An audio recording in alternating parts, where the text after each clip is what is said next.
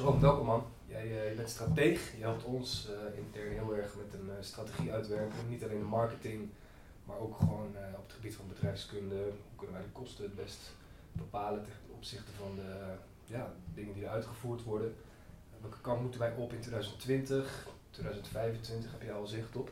Ja. Wij zijn erg geholpen met jouw ideeën en jouw kennis. Hoe ben je hier zo bij gekomen en waarom is het zo belangrijk om toekomstgericht te zijn? Um, nou, ik heb uh, bedrijfskunde gestudeerd. Uh, daar leer je dus uh, alle aspecten binnen een bedrijf wel een beetje uit te vogelen. Juist. dan kijk je naar marketing, finance, legal, um, HR, et cetera. Alle aspecten of ja, type afdelingen binnen een bedrijf ja. onder de loep. Ja, en daar voer je dan management voor uit. Mm -hmm. dan kijk je ook natuurlijk naar de uitvoerende werk, wat dat moet gebeuren. Maar um, ja, waarom is het zo belangrijk om naar de toekomst te kijken? Zoals ik net al, zoals ik eerder had aangegeven, de,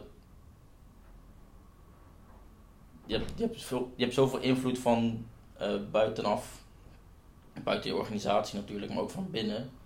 En er verandert continu wat, waardoor je dus um, ja, lastig uh, kan anticiperen op nieuwe ontwikkelingen buiten, binnen de markt, buiten de markt. Dus dat zijn politieke invloeden of uh, ja, nieuwe concurrenten bijvoorbeeld. Ja, ja, ja, nieuwe platformen die opkomen. Ja. Wetgeving natuurlijk, waar je rekening mee moet of kunt houden. Ja. ja. We hebben een klant die, uh, die importeert, um, ja, die, of het is een fabrikant van elektrisch uh, vervoer, ja. microcar, produceren zij.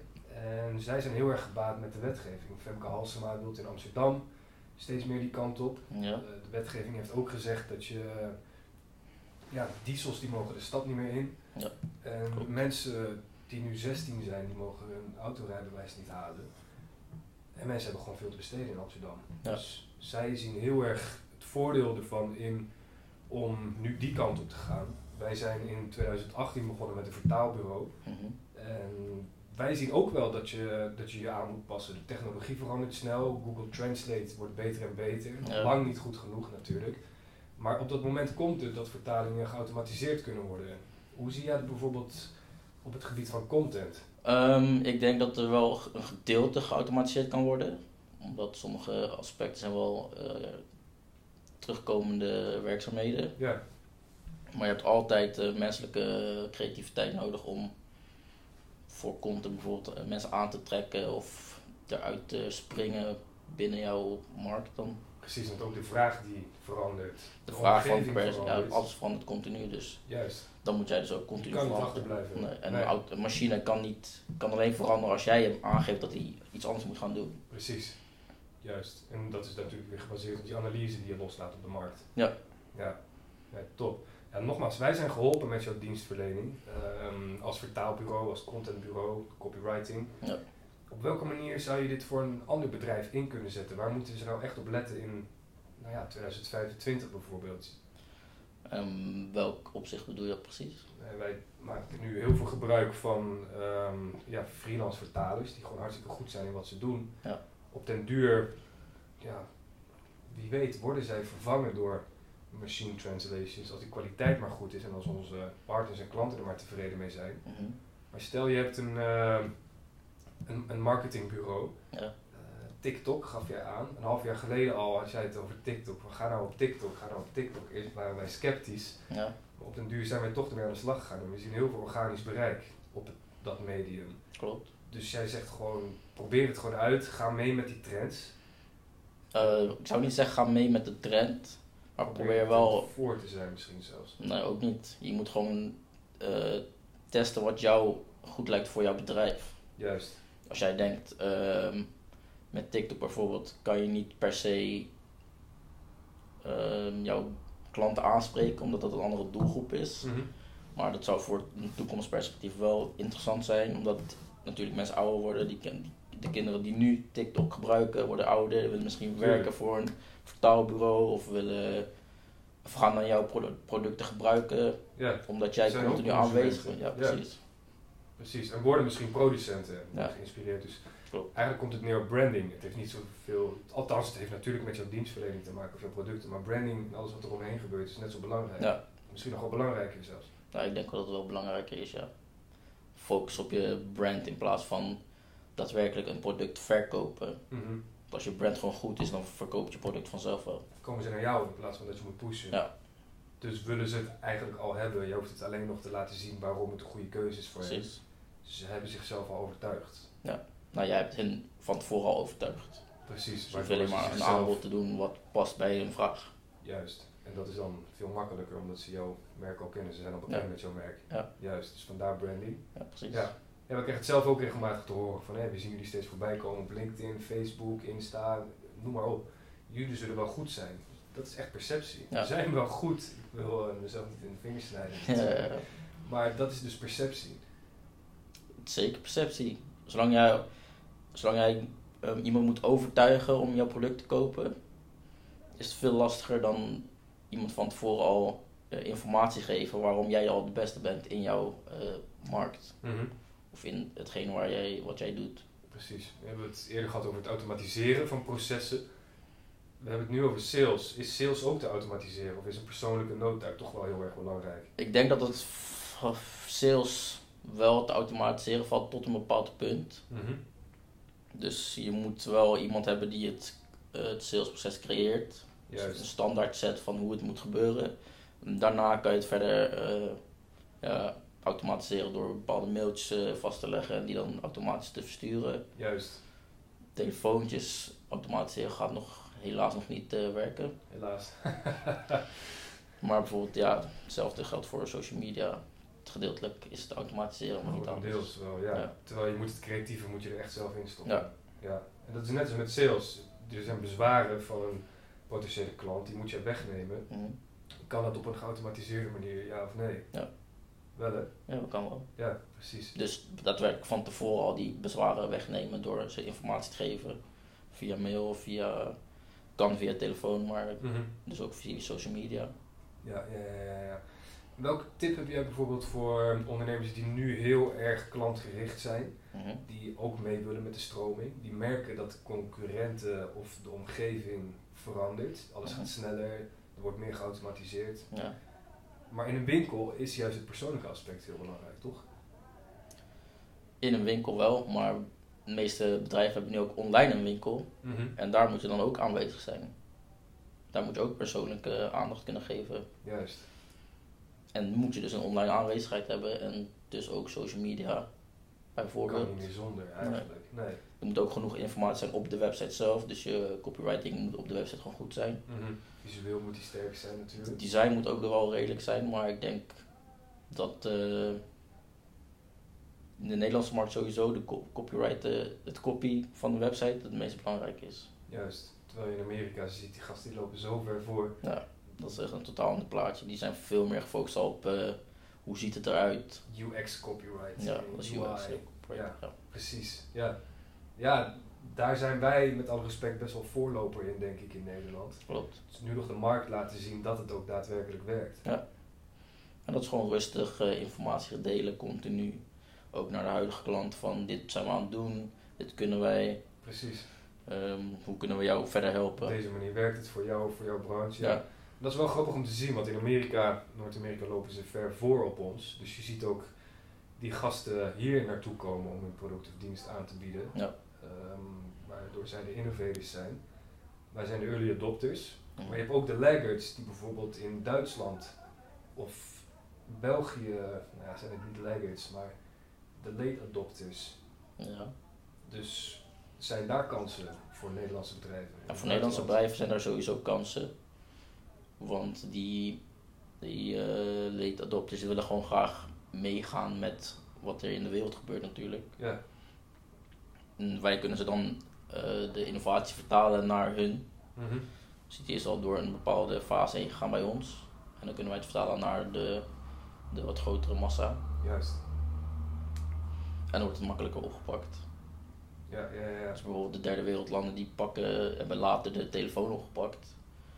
Maar voordat dat, dat de norm was hier in Nederland, duurde een paar, tien, tien jaar ongeveer. En derde wereldlanden duurde misschien twee, drie jaar. Precies, dus het gaat keihard en daar kun je van profiteren. Dus als je in Nederland al actief bent op een bepaald gebied en het gaat goed, probeer je dan te oriënteren in het buitenland. Ja. duidelijk. Dat zie ik wel veel terug. Webshops die in Nederland gewoon goede aantallen draaien. Um, veel is geautomatiseerd. Die oriënteren zich in Duitsland of in Frankrijk. Want mhm. demografische gegevens die verschillen niet eens heel veel. En qua marketing kun je dus op een of andere manier best wel dezelfde doelgroep aanspreken. Ja, klopt. Maar toch zijn culturele verschillen wel belangrijk. Klopt dat? Ja, dat merken we vooral bij uh, Your International, waar we de strategie helaas voor hebben verder uitgewerkt. Is het lastiger om bijvoorbeeld de Duitse markt aan te spreken met een Nederlandse toon. Mhm. Omdat ja, de Duitsers willen meer, nog meer persoonlijk, persoonlijk contact hebben Juist. in plaats van Nederlanders. Dus dat is al veel lastiger communiceren via uh, elektronische, de elektronische manier. Dus je moet ze altijd bellen. En dan willen ze persoonlijk contact. Liefst willen ze nog dat je langs gaat komen bij een Liefst bedrijf. willen ze Duits aangesproken worden. En Duits aangesproken worden ook nog eens. En niet in het Engels. Nee, dus dat voelt vertrouwder. Ja. Maar als je eenmaal binnen bent, heb ik wel eens gehoord, en uit eigen ervaring ook, als je binnen bent bij een Duitse klant, kan het ook bijna niet meer stuk. Nee, klopt. Je moet echt iets goed fout doen. Ja. Is dat ook bij Franse klanten, weet je dat? Uh, bij Franse klanten ligt het wat, iets wat anders. Iets meer, iets meer, zij zijn iets meer gericht op ja, toch meer het sociale plaatje. Mhm. In plaats van persoonlijk contact. Dus hoe ziet jouw bedrijf eruit? Uh, economisch en dat soort dingen. Of, uh, sorry, ecologisch, dat soort dingetjes. Juist. Dat is belangrijk, denk ik, in uh, Frankrijk. Ja, ik vind het Fransen meer belangrijk. Grappig, grappig om te zien. Sociaal, politiek en dat soort dingetjes. Duidelijk. Waar ga jij op focussen, Jerome, in 2020? Nou, ik denk voornamelijk op het laten groeien van Copper Lab. En natuurlijk ook Your International en alle bedrijven waarvoor we werken qua business en dan gewoon omzetdoelen behalen die we begin van het jaar hebben gezet. En dan verder, ja, persoonlijke groei is ook altijd wel belangrijk. Ja, eens, als je persoonlijk groeit, dan kun je je bedrijf laten groeien, toch? Ja. ja. Dus een aantal cursussen volgen, vakantie natuurlijk. het buitenland, ja. ja. daar je oriënteren. Ja, kijken naar andere, andere businessmodellen is ook altijd interessant. Ja, hè? je hebt het redelijk vaak ook over vastgoed, wholesaling. Kun je mij er wat meer over vertellen? Want ik ben er nog niet zo in thuis, terwijl ik het wel heel interessant vind. Uh, ja, waarom, waarom vind je vastgoed interessant? Vastgoed lijkt me een hele zekere belegging. Ik weet niet of dat in deze tijd ook zo is. Mhm. Maar ook omdat je gewoon geen geld krijgt als je een flinke som op de bank hebt staan. Klopt. Wat ik zonde vind. Je kan een risico nemen en dat investeren in je bedrijf. Natuurlijk is dat altijd goed om te doen en dat doen we ook met advertenties. Mm nieuwe vertalers aantrekken, andere mogelijkheden bezoeken. Maar ja, vastgoed is toch wel voor mij, en corrigeer me als ik het fout heb, een van de meest veilige, zekere manieren om uh, te starten met beleggen. Mits je natuurlijk een bedrag hebt liggen waar je aan de slag kan. En wat op de lange termijn ook gewoon geld blijft opleveren, structureel. Ja. Nou, als je bijvoorbeeld kijkt naar de huizenmarkt in 2008, dan klopt het natuurlijk niet wat je zegt, dat het zeker is. Klopt. Maar, want beleggen is in principe altijd een risico. Maar de huizenmarkt is afgelopen ja, 11, 12 jaar, ja, sinds 2008 dan wel wat zekerder geworden. Um, ja, dus de banken kunnen niet meer zo makkelijk de huizenmarkt uh, een bubbel laten worden. Mm Omdat er meer controle is. Juist, minder moeilijk het is minder moeilijk om een hypotheek te krijgen, zoals je al net al aangeeft. Uh, ja, het is wel veiliger voor huurders om uh, binnen een huis te blijven in Nederland bijvoorbeeld. In andere landen is dat wel wat lastiger. Ja. Maar je kan in Nederland niet zomaar je huurder eruit gooien. Huurbescherming is best wel. Ja. Uh, ja. En de, ja, de algemene banenmarkt in Nederland is ook wat zekerder. Dus je hebt ook gewoon, bent gewoon als verhuurder zeker van je inkomsten van een huurder. Precies, wat ook wel heel noodzakelijk is. Want als je leegstand hebt, dan heb je helemaal niks aan Ja, dan maak je gewoon continu verlies. Klopt, want je hebt die vaste kosten. Ja. ja. Wel doen of niet doen, zeg jij? Ja, ik denk dat je altijd risico moet nemen. Precies, tot op zekere hoogte natuurlijk. Nou, zolang je het jezelf kan permitteren. Zolang je het ervoor over hebt om te verliezen, eventueel. Nee, zolang jij het jezelf kan permitteren dat jij een bepaald verlies leidt tot, tot een bepaald bedrag. Ja, precies. Dus als jij zegt, je kan een huis kopen van 1 miljoen, krijg je een hypotheek op, maar je hebt geen huurder, dan heb je een probleem. Dan heb je een groot probleem. Maar als, je, als jij al zelf nog een extra miljoen op de bank hebt staan, dan heb je niet zo'n groot probleem. Nee, klopt. Dus dan zou je in plaats van een huis van 1 miljoen kunnen kopen, een huis van 1,5 miljoen kunnen kopen. Nee. Als je het risico wilt nemen. Ja, als je, als je het risico wilt nemen, wel. Maar ja. dat zou ik niet zo snel doen. Nee, precies. Of meerdere beleggingspanden. Ja, precies. Dat is ja. veel beter. Probeer een beetje thuis te worden aangezien, ja, ik vind het een hele interessante, ja, daar, die ontwikkelingen volg ik dus wel. Mhm. Maar ik vind het ook interessant om te spreken met iemand die er wat meer over weet dan ik. Ja, het is altijd slim om je portfolio uit te breiden. Dat zou ook kunnen met bijvoorbeeld aandelen van andere bedrijven. Precies. Dat is ook altijd heel interessant. Ja, klopt. Is dat een hoog risico, denk je? Verschilt het per bedrijf? Ik denk dat het alleen een risico is als je de, degene waarin je investeert, dus niet het bedrijf waarin je, waarin je investeert, als je degene de, waarin je gaat investeren niet kent. Mm Persoonlijk zou ik het niet snel doen. Duidelijk. Tenzij het een heel, heel groot bedrijf zoals uh, Tesla of zo. Coca-Cola misschien. Coca-Cola, die al gevestigde namen zijn, die al wel redelijk uh, voorspelbare cijfers kunnen produceren. Dan is het risico lager, maar de reward waarschijnlijk ook lager. Klopt ja. ja. Maar wel zeker. Je bent wel zeker van rendement. Ja, zo Ook al is het rendement misschien wat lager. Ja. Ja, duidelijk. Hoe kijk je dan aan tegen funding? Wil je liever je hebt een bedrijf, wil je dat liever bootstrappen, dus met eigen geld financieren, groeien op een natuurlijke, organische manier? Mhm. Of kijk je ook wel positief aan tegen funding van nou ja, eventueel VC of een angel investor? Ehm, voor ons eigen bedrijf, voor Copclub zou ik niet zo snel funding regelen, mhm. omdat ten eerste bij ons helemaal niet nodig is. Nee, groeien organisch. Groeien organisch, het gaat gewoon goed. Maar als je een uh, moeilijker product hebt of een heel nieuw product, dan zou ik wel snel kijken naar een uh, angel investor. Juist, die ook de kennis biedt en ja, ervaring die, die, jou helpt als een soort mentor. Niet alleen met geld over de bal komt, ja. ook met kennis en ervaring. Ja, precies. Ja. Sowieso goed om iemand te zoeken met kennis en ervaring, denk ik, die jou een beetje helpt af en toe. Ja, een mentor is altijd fijn om te hebben. Ja. Die kan jou natuurlijk weer nieuwe inzichten geven of andere ja, uit andere hoeken komen die jij nog niet hebt, uh, waar je nog niet over over nagedacht. Precies. Heb jij delen van jouw kennis van een mentor? Ja, ik had wel een mentor gehad, ja, voor enige tijd. Waardevol. Ja, dat is zeer waardevol. Super. Hoe kwam je eraan? Ik denk dat dat voor veel mensen een vraag is. Hoe kom je aan een mentor? Hoe vind je de juiste mentor? Hoe vind je de juiste mentor? Dat is een andere vraag. Maar hoe kom je aan een mentor? Ja, dat is gewoon met veel uh, mensen in contact gaan komen. Netwerken. Netwerken. En hoe kom je aan de juiste mentor? Ja, dat is gewoon iemand uitzoeken en die dan echt bombarderen met vragen. En vragen of jij mag gebruik maken van zijn tijd. En kennis. En kennis. iets tegenover moet stellen eigenlijk. Nou, het hoeft niet zozeer. Het gaat erom dat hij jou graag wilt helpen. Of hij of zij jou graag wil helpen. Ja. En je zou je verbazen hoeveel mensen je eigenlijk willen helpen. Ja.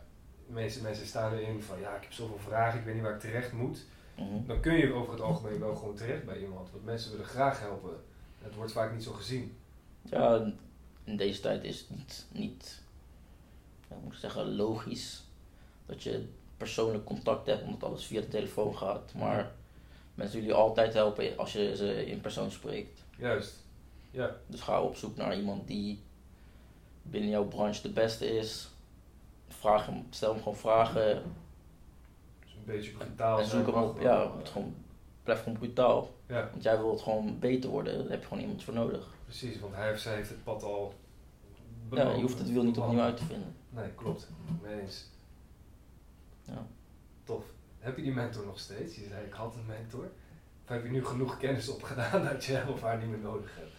Nou, ik heb altijd wel meerdere mentoren gehad. Op verschillende gebieden, denk ik. Op verschillende gebieden. Ja, precies. Dus ik heb er altijd wel eentje nodig. En ik, altijd wel, ik ben altijd op zoek naar iets nieuws of iets nieuws om te gaan doen. Nieuwe kennis. Nieuwe kennis, nieuwe, nieuwe business. Je blijft jezelf ontwikkelen. Ja. Ja, slim man. Dus altijd op zoek naar uh, ja, meer kennis. Juist.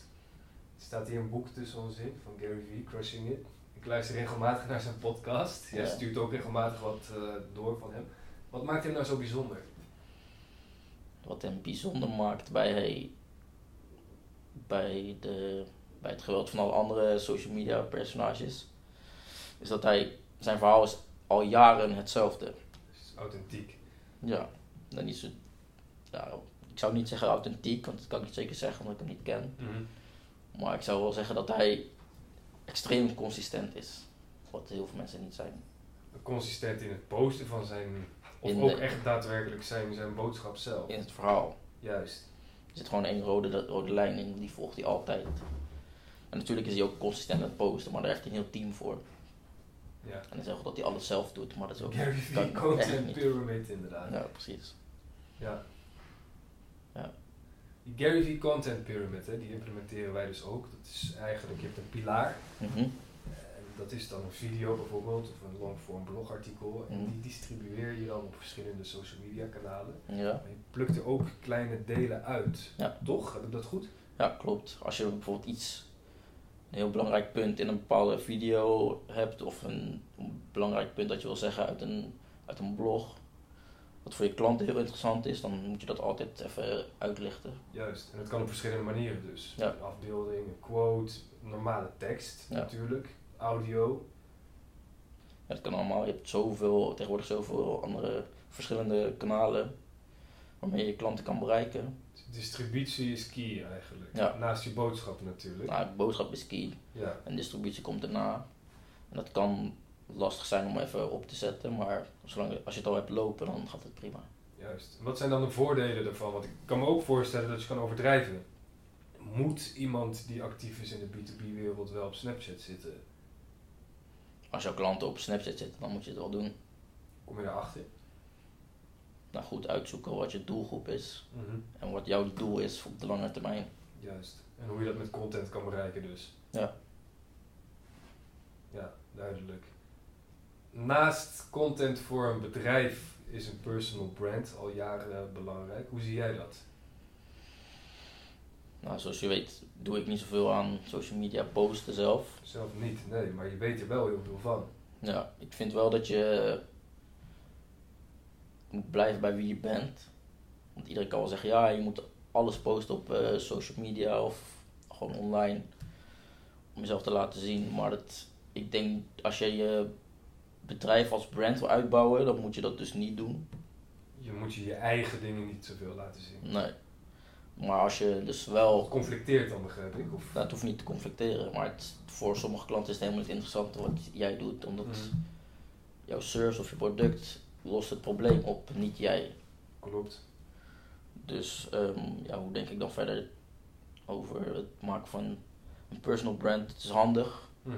voor op de lange termijn, maar het kan ook heel makkelijk geschaad worden of ja, als je iets verkeerd zegt wat politiek niet klopt of weet ik veel, ja, uh, iets in die richting, dan is het meteen helemaal beschadigd en dan heb je echt een probleem voor ja, verdere business. Voor meerdere jaren misschien, want mensen zullen eerder dat onthouden, dat foutje wat je bent begaan. Ja, negatief wordt altijd eerder opgepakt dan positief. Precies. Maar het is ook publiciteit. Klopt, en sommige mensen zijn het dan weer wel met je eens. Ja, maar dan moet je ook weer gaan nadenken van, wil ik die klanten aanspreken, ja of nee? Ja, ja, ja, ja precies duidelijk. Qua content heb je nog tips voor ondernemers op het gebied van uh, ja, distributie bijvoorbeeld of, of, boodschappen? Waar moet je wel rekening mee houden, wat moet je bepaald niet doen? Nou, wat je zeker moet doen is eerst uh, kijken naar wat de markt doet. Dan ga je kijken naar wat de, de klant wilt, eigenlijk van jouw dienst of product. Dus wat is de oplossing die jij kan, kan leveren? En dan uh, ja, goed, goed kijken naar hoe je jouw boodschap overbrengt. En wat je zeker niet moet doen is andere mensen kopiëren. Dat, dat werkt Dus je concurrent kopiëren, dat werkt niet. Je, iemand uit een andere branche kopiëren, dat zou kunnen werken, maar who knows. Je moet gewoon bij jezelf blijven en doen waar je goed bij voelt. Top. Laatste vraag. Ik zie dit heel vaak voorbij komen ehm, op social. Je hebt een Tony Robbins, en Ty Lopez, Grant Cardone. Tier 1 content suppliers eigenlijk. Mhm. Ehm, personal development staat hoog in het vaandel. En je ziet dat er mensen zijn die dat kopiëren. Die zien dat die formule werkt. Mhm. Mensen kopiëren dat. Kan dat werken of is dat aan te raden überhaupt? Het kan werken als jij jezelf als personal brand heel hoog, of, uh, ja, heel hoog ingeschat wil hebben het, het zou mogelijk kunnen zijn dat het goed zou kunnen uitpakken voor je, maar het zou ook bijvoorbeeld omdat jouw personality niet, niet werkt met jouw doelgroep. Precies. Dan zou het afrechts kunnen werken, inderdaad. Ja. Top. Dankjewel, Jerome. Geen probleem. Thanks, man. Thanks.